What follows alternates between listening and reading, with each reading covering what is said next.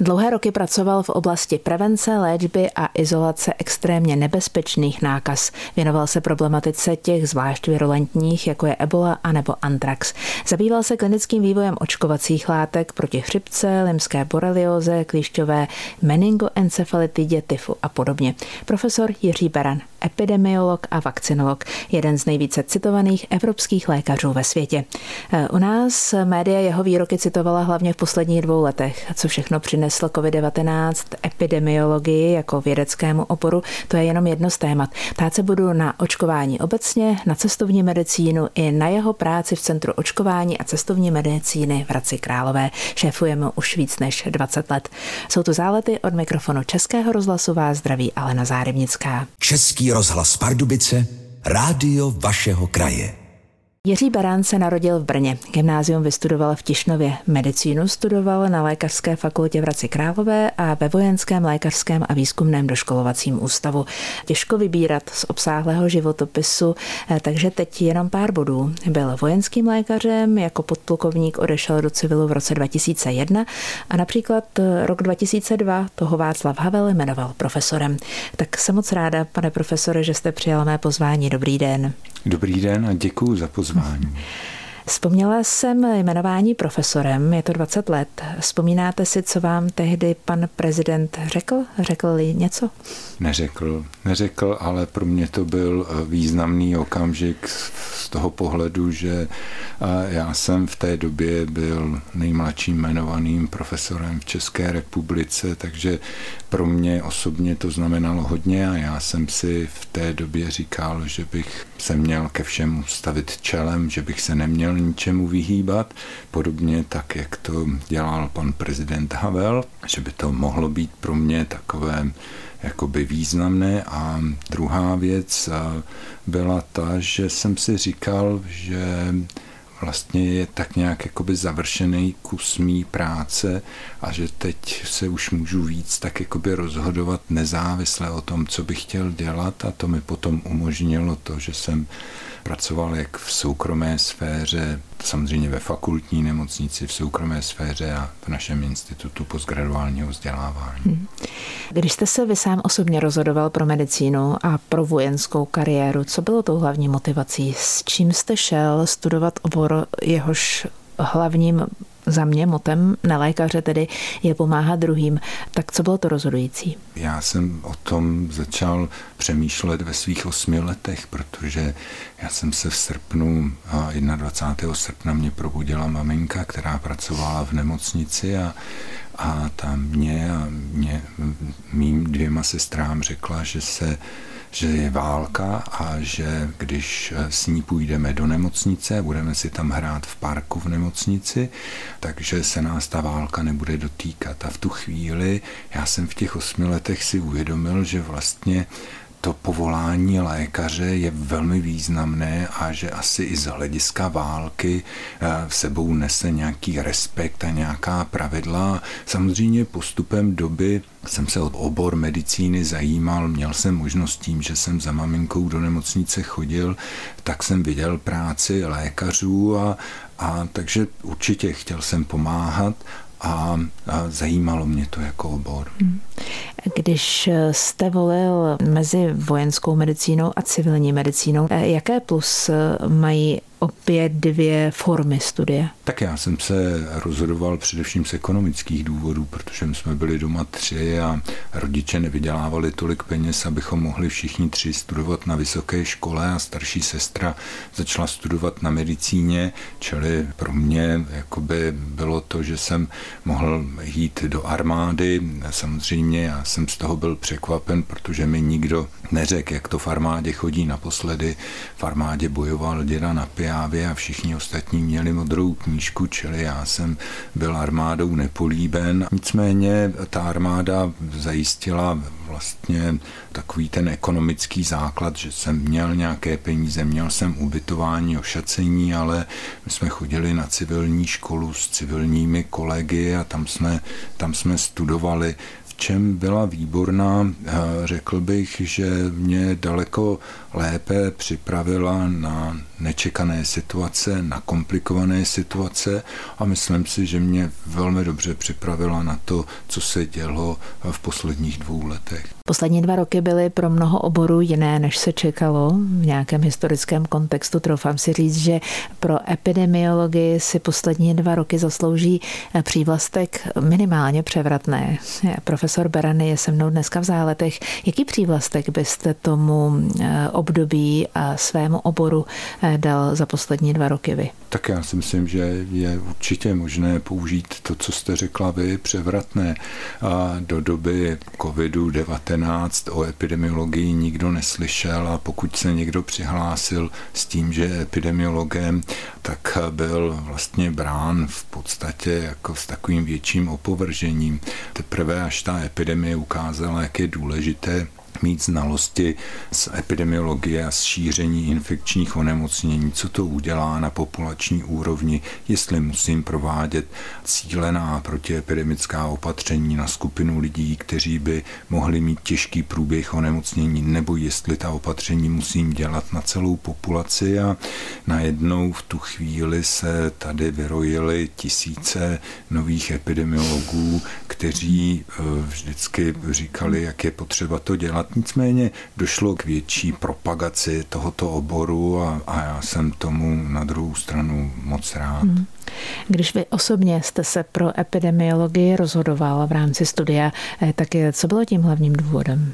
No tak eh, ten důvod byl čistě pragmatický, protože já jsem vždycky chtěl být chirurgem. Jednak si myslím, že jsem manuálně velmi zručný a, a jednak mě to hodně bavilo a v šestém ročníku, když jsem byl na stážích v Brně v nemocnici, tak jsem ještě chodil navíc do úrazové nemocnice na příjmové dny pomáhat učit se. Nicméně po absolvování medicíny a já jsem chtěl zůstat v Hradci Králové a jediné místo, které tam bylo, tak bylo na katedře epidemiologie a, ale to bylo podmíněno tím, že jsem musel pracovat tři roky v terénu jako epidemiolog a až jsem vyhrál konkurs a těsně po revoluci, to bylo 15. ledna 1990, jsem mohl přijít na katedru a, a tam jsem začal pracovat. Když se vrátím do toho období před dvěma lety, možná to srovnám za sebe s moravským tornádem. Když jsem viděla první obrázky, říkala jsem si, to není možné, aby se to stalo v České republice. Tak smýšlel meteorolog o jeho moravském tornádu. Jak smýšlel epidemiolog po té, co přišly první zprávy z Číny? Tak eh, já si myslím, že já jsem na tom byl úplně stejně jako všichni ostatní ze začátku. Já jsem v té době byl v zahraničí, byl jsem v Tajsku, tam jsem také onemocněl a někdy v druhé polovině března jsem se teprve vracel zpátky do republiky, takže nikdo o tom onemocnění eh, moc toho nevěděl. Všichni jsme byli vyděšení tím, že lidé v rámci toho onemocnění ve vysokém procentu umírají a teprve až potom v létě já si myslím, že to bylo v červnu. V červenci jsme najednou zjistili, to bylo při epidemii onemocnění úhorníků na Ostravsku, že vlastně lidé, kteří těžce pracovali, tak u řady z nich to onemocnění probíhalo víceméně lehce, čili najednou se, jsme se začali s některými z mých kolegů zamýšlet nad tím, jestli vlastně tady neexistuje nějaká riziková skupina, pro kterou by to onemocnění znamenalo obrovskou zátěž. A postupem doby přicházely informace eh, z ministerstva zdravotnictví, z Ústavu zdravotnických informací a služeb a data, která tam tehdy zpracovával jednak pan profesor Dušek, ale velmi k tomu přispíval pan profesor Černý, kteří ukázali, že vlastně je to onemocnění, které je významné pro každého, kdo je starší 60 let a zároveň je obézní, má cukrovku a ischemickou chorobu srdeční. A to najednou nám otevřelo oči a říkali jsme si tak dobře, tohle je riziková skupina, musíme pro ní něco zkusit udělat cílené opatření je prostě úplně jednoduše, a promiňte za to zjednodušení, prostě uhodit hřebíček na hlavičku a ne, nerozbít celé prkno? Tak úplně přesně. Já jsem říkal, že si tu rizikovou skupinu musíme představit jako skupinu seniorů, kteří chodí podél dálnice a chtějí nějakým způsobem přejít a my buď kvůli tomu uděláme to, že ten provoz na té dálnici na celou dobu zastavíme a oni tam budou pořád přecházet, nebo pro ně uděláme mosty, pomocí kterých oni se dostanou na druhou stranu, nebo zpomalíme mírně tu dopravu, ale není potřeba, aby ty dálnice byly prázdné kvůli tomu, že skupina seniorů se potřebuje dostat z jedné strany na druhou. Takže je to úplně přesně, jak jste to říkala. Posloucháte zálety, je to s vámi Český rozhlas. Eh, mým dnešním hostem je profesor Jiří Beran. Po studiu působil jako vojenský epidemiolog v Kroměříži. Pojďme teď úplně obecně eh, k historii očkování. Proti jakému onemocnění se očkovalo poprvé a kdy? Tak eh, bylo to už před minulém století a bylo to proti pravým neštovicím, kde se používal ne lidský, ale oslabený kravský kmen a tak se tedy očkovalo povinnost očkova, očkování proti pravým neštovicím byla zavedena v Rakousku-Uhersku už v roce 1891 a jeden z prvních zákonů, který byl podepsán po vzniku Československé republiky, byl také zákon o očkování který velmi striktně vymezoval to, když se člověk nepodrobí očkování, tak tam bylo navrženo vězení na dobu 14 dnů, vysoké pokuty a podobně. A to se rozvíjelo dál a povinnost očkování potom nastoupila po druhé světové válce tím, že se začalo očkovat proti tetanu, záškrtu a a černému kašli a, a dál a dál se to rozvíjelo. Ale princip imunizace je starý eh, několik stovek let. Hmm. Eh, mluvíte o povinnosti. Kdyby ta povinnost přišla dnes, tak na to máme trochu jiný názor. Eh, v čem byla ta společnost jiná v tehdejší době a v čem se liší od té dnešní? Proč vlastně tehdy povinnost, která vedla k tomu, že se podařilo třeba některé onemocnění vymítit, dnes se na to díváme úplně jinak? Já si myslím, že já samozřejmě jsem byl vždycky proti povinnosti očkovat a spíš jsem byl, jsem patřil do skupin lidí, kteří si představovali, že je daleko výhodnější, když ty osoby, které se nechtějí nechat očkovat, když je budeme přemlouvat a vysvětlovat jim to. A to bych považoval za daleko důležitější. Hmm. Nicméně to samozřejmě je víceméně odmítáno, protože tím, že se to nakáže, tak je to podstatně jednodušší, dáte k tomu velkou pokutu. Na druhou stranu před 30, 40, před 50 lety ta společnost, zvlášť po druhé světové válce, pár desítek let po druhé světové válce, byla ochotná přijmout celou řadu takovýchto opatření, především z toho důvodu, že v tom viděla jakoby světlejší budoucnost. A to se samozřejmě ukázalo právě v při eradikaci pravých neštovic. A to si myslím, že řadu lidí přesvědčilo také o tom, že je možné tou povinností toho očkování dosáhnout toho, že takto významně smrtelné onemocnění může vymizet z planety to se neslo celou dobu a, a vlastně výsledky, pozitivní výsledky povinného očkování se potom relativizovaly z toho důvodu, že vlastně nebyly ty těžké případy onemocnění úmrtí, takže se to v někdy v 60. v 70. letech začalo relativizovat. Najednou přibývaly epidemie onemocnění. My jsme to viděli i v posledních letech u nás, že byly epidemie spalniček a, a zase se ti lidé tím přesvědčili, nechali se zase znovu očkovat. A já si právě myslím, že uvádění těchto příkladů z historie, kdy přerušení nějakého očkování vedlo k tomu, že vznikaly epidemie, by mělo ty osoby přesvědčit k tomu, aby se očkovat nechali. Hmm. Jsem říkala, že jste se zabýval velmi virulentními nákazami. Které hmm. jsou nejvirulentnější? Tak já si myslím, že určitě ebola. Ebola je onemocnění, které eh, dokáže podle typu toho viru, který způsobuje ebolu, způsobit závažné onemocnění a ve vysokém procentu, ve vysokém procentu i úmrtí, čili ebola je onemocnění, které nás velmi strašilo a to byl důvod, proč já jsem tehdy, to bylo myslím v roce 97, od roku 97 do toho roku 2001 jsem se tím intenzivně zabýval. Ono to také souviselo s tím, že já jsem od roku 95 pracoval na Vojenské lékařské akademii jako prorektor pro vědu, výzkum a zahraniční kontakty a mým podřízeným pracovištěm bylo pracoviště v Tichoníně, kde se kdysi s těmito vysoce virulentními nákazami pracovalo. A profesor Beran, posloucháte zálety. Český rozhlas Pardubice, rádio vašeho kraje. Profesor Jiří Beran je se mnou dnes v záletech. Jsem za to moc ráda.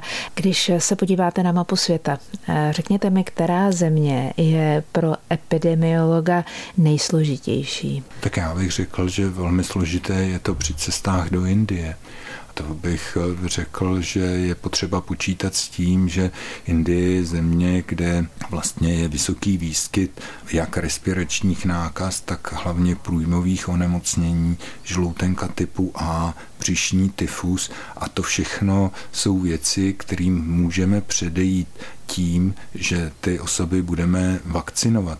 Ale já bych tady ještě připomenul jednu věc, kterou víme z šetření takzvaného Geosentinelu, což je skupina odborníků, do které já jsem přispíval také a která vzala data asi z 50 tisíc nemocných a tam se ukázalo, že každý, kdo zemřel na jakoukoliv chorobu v souvislosti s cestováním, byl člověk, který se nikam nešel poradit.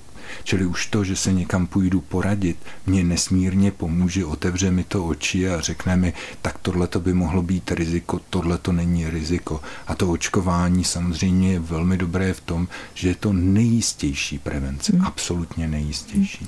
V souvislosti s globální změnou klimatu dochází ke změně vnímání epidemiologických rizik nebo obecně rizik při cestování do zahraničí? Tak já si myslím, že určitě to, že se zvyšuje, zvyšuje teplota povrchu zemského a že nastupují takováto vedra. Já se přiznám, že jsem se minulou neděli po třech týdnech z Indie vrátil, takže jsem to sám zažil. Musel jsem procestovat osm velkých měst a musím říct, že to samozřejmě vede k tomu, že ta rizika přenosu infekčních onemocnění eh, jsou samozřejmě vyšší. Je to dáno tím, že tomu viru se lépe daří ve vyšších teplotách, anebo při vyšších teplotách je zároveň i naše imunita oslabená, že jedinec je v tu chvíli méně odolný, protože je oslabený třeba tím vedrem? Tak eh, povětšinou platí to, že zase je to choroba od choroby, ale vyšší teplota spíš jde proti tomu viru,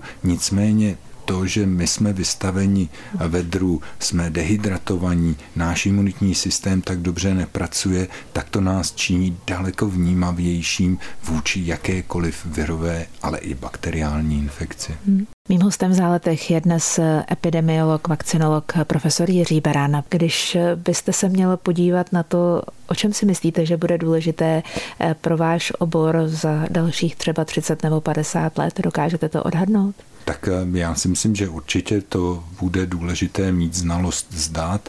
A druhá věc, eh, pokud se bude takhle raketově vyvíjet imunologie, protože mnoho poznatků, teoretických poznatků z imunologie je dneska okamžitě během pár měsíců používáno v praxi, tak nám to pomůže v diagnostice, v rychlé diagnostice infekčních onemocnění, v přípravě, řekněme, léků proti těmto onemocněním, v případě protilátek proti těmto onemocněním i v případě očkovacích látek proti těm onemocněním. Čili já tu budoucnost vidím v imunologii. A může přijít ještě něco chytřejšího, než je cílené a dobře promyšlené z hlediska svých důsledků očkování? Tak já si myslím, že asi ne. Pokud to očkování bude úspěšné, a bude cíleně provedeno, tak vlastně s minimálním nasazením nějakých sil a prostředků dosáhnete toho, čeho jste chtěla dosáhnout.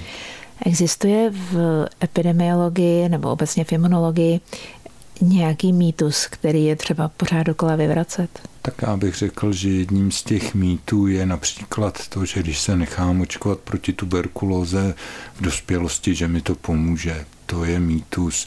Očkování proti tuberkulóze má význam především těsně po narození, kdy se ta oslabená vakcína aplikuje do organismu, který se nikdy s žádným typem tuberkulózy nesetkal, a to včetně tuberkulózy ptačí. Hmm. Co ukázaly válečné konflikty, první, druhá, stávající válka, epidemiologie? No tak ukázali především to, že zhoršující podmínky na hloučení obyvatelstva, nedostatečná výživa vedou k tomu, že vznikají epidemie, že se neprovádí pravidelné očkování, že řada lidí není proočkována, není chráněna, čili vždycky to naruší vlastně takovou tu rovnováhu mezi existujícími viry a bakteriemi okolo nás a mezi lidmi, kteří jsou imunní a vznikají potom lokální globální epidemie. Zaplať pámbu, že vlastně se nikdy nepoužili ve větší míře biologické zbraně a to bych považoval za jedno z nejdůležitějších, že k tomu nikdy nedošlo modifikovaný virus, modifikovaná bakterie, která je rozprášená v aerosolu na obyvatelstvo a přenáší se inhalační cestou, tak dokáže být vysoce efektivní zbraní a to je jedno, jestli by to byla ebola, nebo by to byl antrax, nebo by to byla brucelóza. Můžeme najít celou řadu původců, kteří by takto mohli být zneužiti. Mohla by být tak zneužita virus pravých neštovic, ale myslím si, že většina politiků i těch vojenských poradců je, je zatím zdrženlivá. Jedině dobře. Jedině dobře, jedině dobře, protože já si myslím, že každý z nás má určitě strach z těžké infekce, která může vytvořit třeba zánět mozkových plen, ten člověk je v bezvědomí. To jsou všechno stavy, které, když si uvědomíme, tak určitě vede i na úrovni válčicích konfliktů k tomu, že by to nikdo nepoužil. Profesor Jiří Beran, posloucháte Zálety. Český rozhlas Pardubice, rádio vašeho kraje. V záletech dnes mluvím s profesorem Jiřím Beranem. Probrali jsme lecos. Možná jedna věc, která, když jsem si o vás četla před naším dnešním setkáním tady v rozhlasovém studiu, mě zaujala. A to je obrovské množství citací, které mají vaše práce nebo obecně má vaše práce ve světě. Řekněte mi, čím je to dáno? Tak já si myslím, že je to především tím, že jsem měl široké portfolio těch publikací. Ty publikace v podstatě se dají rozdělit na takové třetiny. Jedna třetina je věnována těm zvlášť nebezpečným nákazám, druhá třetina tropickým chorobám. To jsme dělali celou řadu publikací s kolegy z takzvaného Tropnet Europu a potom, co se týkalo té vlastní imunizace a vytváření nových očkovacích látek a tam já bych řekl, že třeba v oblasti, já nevím, imunizace proti žloutence typu B, žloutence typu A, tak eh, já mám velmi dlouholeté zkušenosti a, a to se všeobecně ví, čili když eh, něco napíši, tak většinou je to dost často citováno. Hmm. Minulý týden tu se mnou byla Klára Kočárová. Já jsem sledovala to jiskření těch názorů, jeho názory by byly velmi sympatické.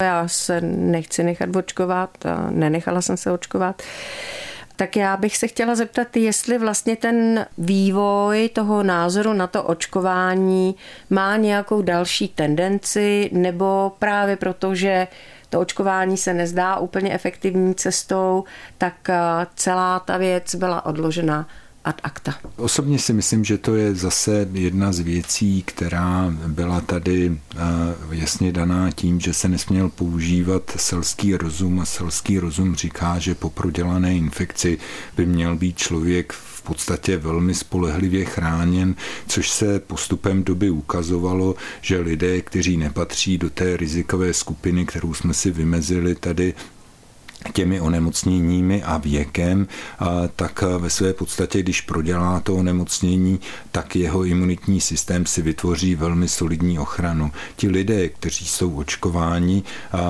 si vytvářejí ochranu také, ale jim chybí ochrana na sliznicích, čili každý člověk, který je očkován po určité době v nějaké podobě to onemocnění musí prodělat, aby si vytvořil imunitu na sliznicích. A řada z nich je z toho rozčarovaná rozčarovaná, je zklamaná. Já vždycky říkám pro ty, kteří eh, patří do té vysoce rizikové skupiny, aby se očkovat nechali, ale musí počítat s tím, že to ještě jednou prodělají a neměli by to žádným způsobem bagatelizovat. Děkuji, pane profesore, že jste tady se mnou dnes byl.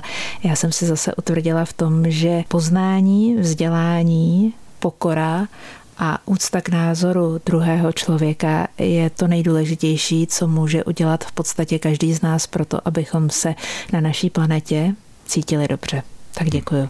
Moc děkuji za pozvání a moc děkuji za nádherná slova. Děkuji. Krásnou neděli přejeme vám všem.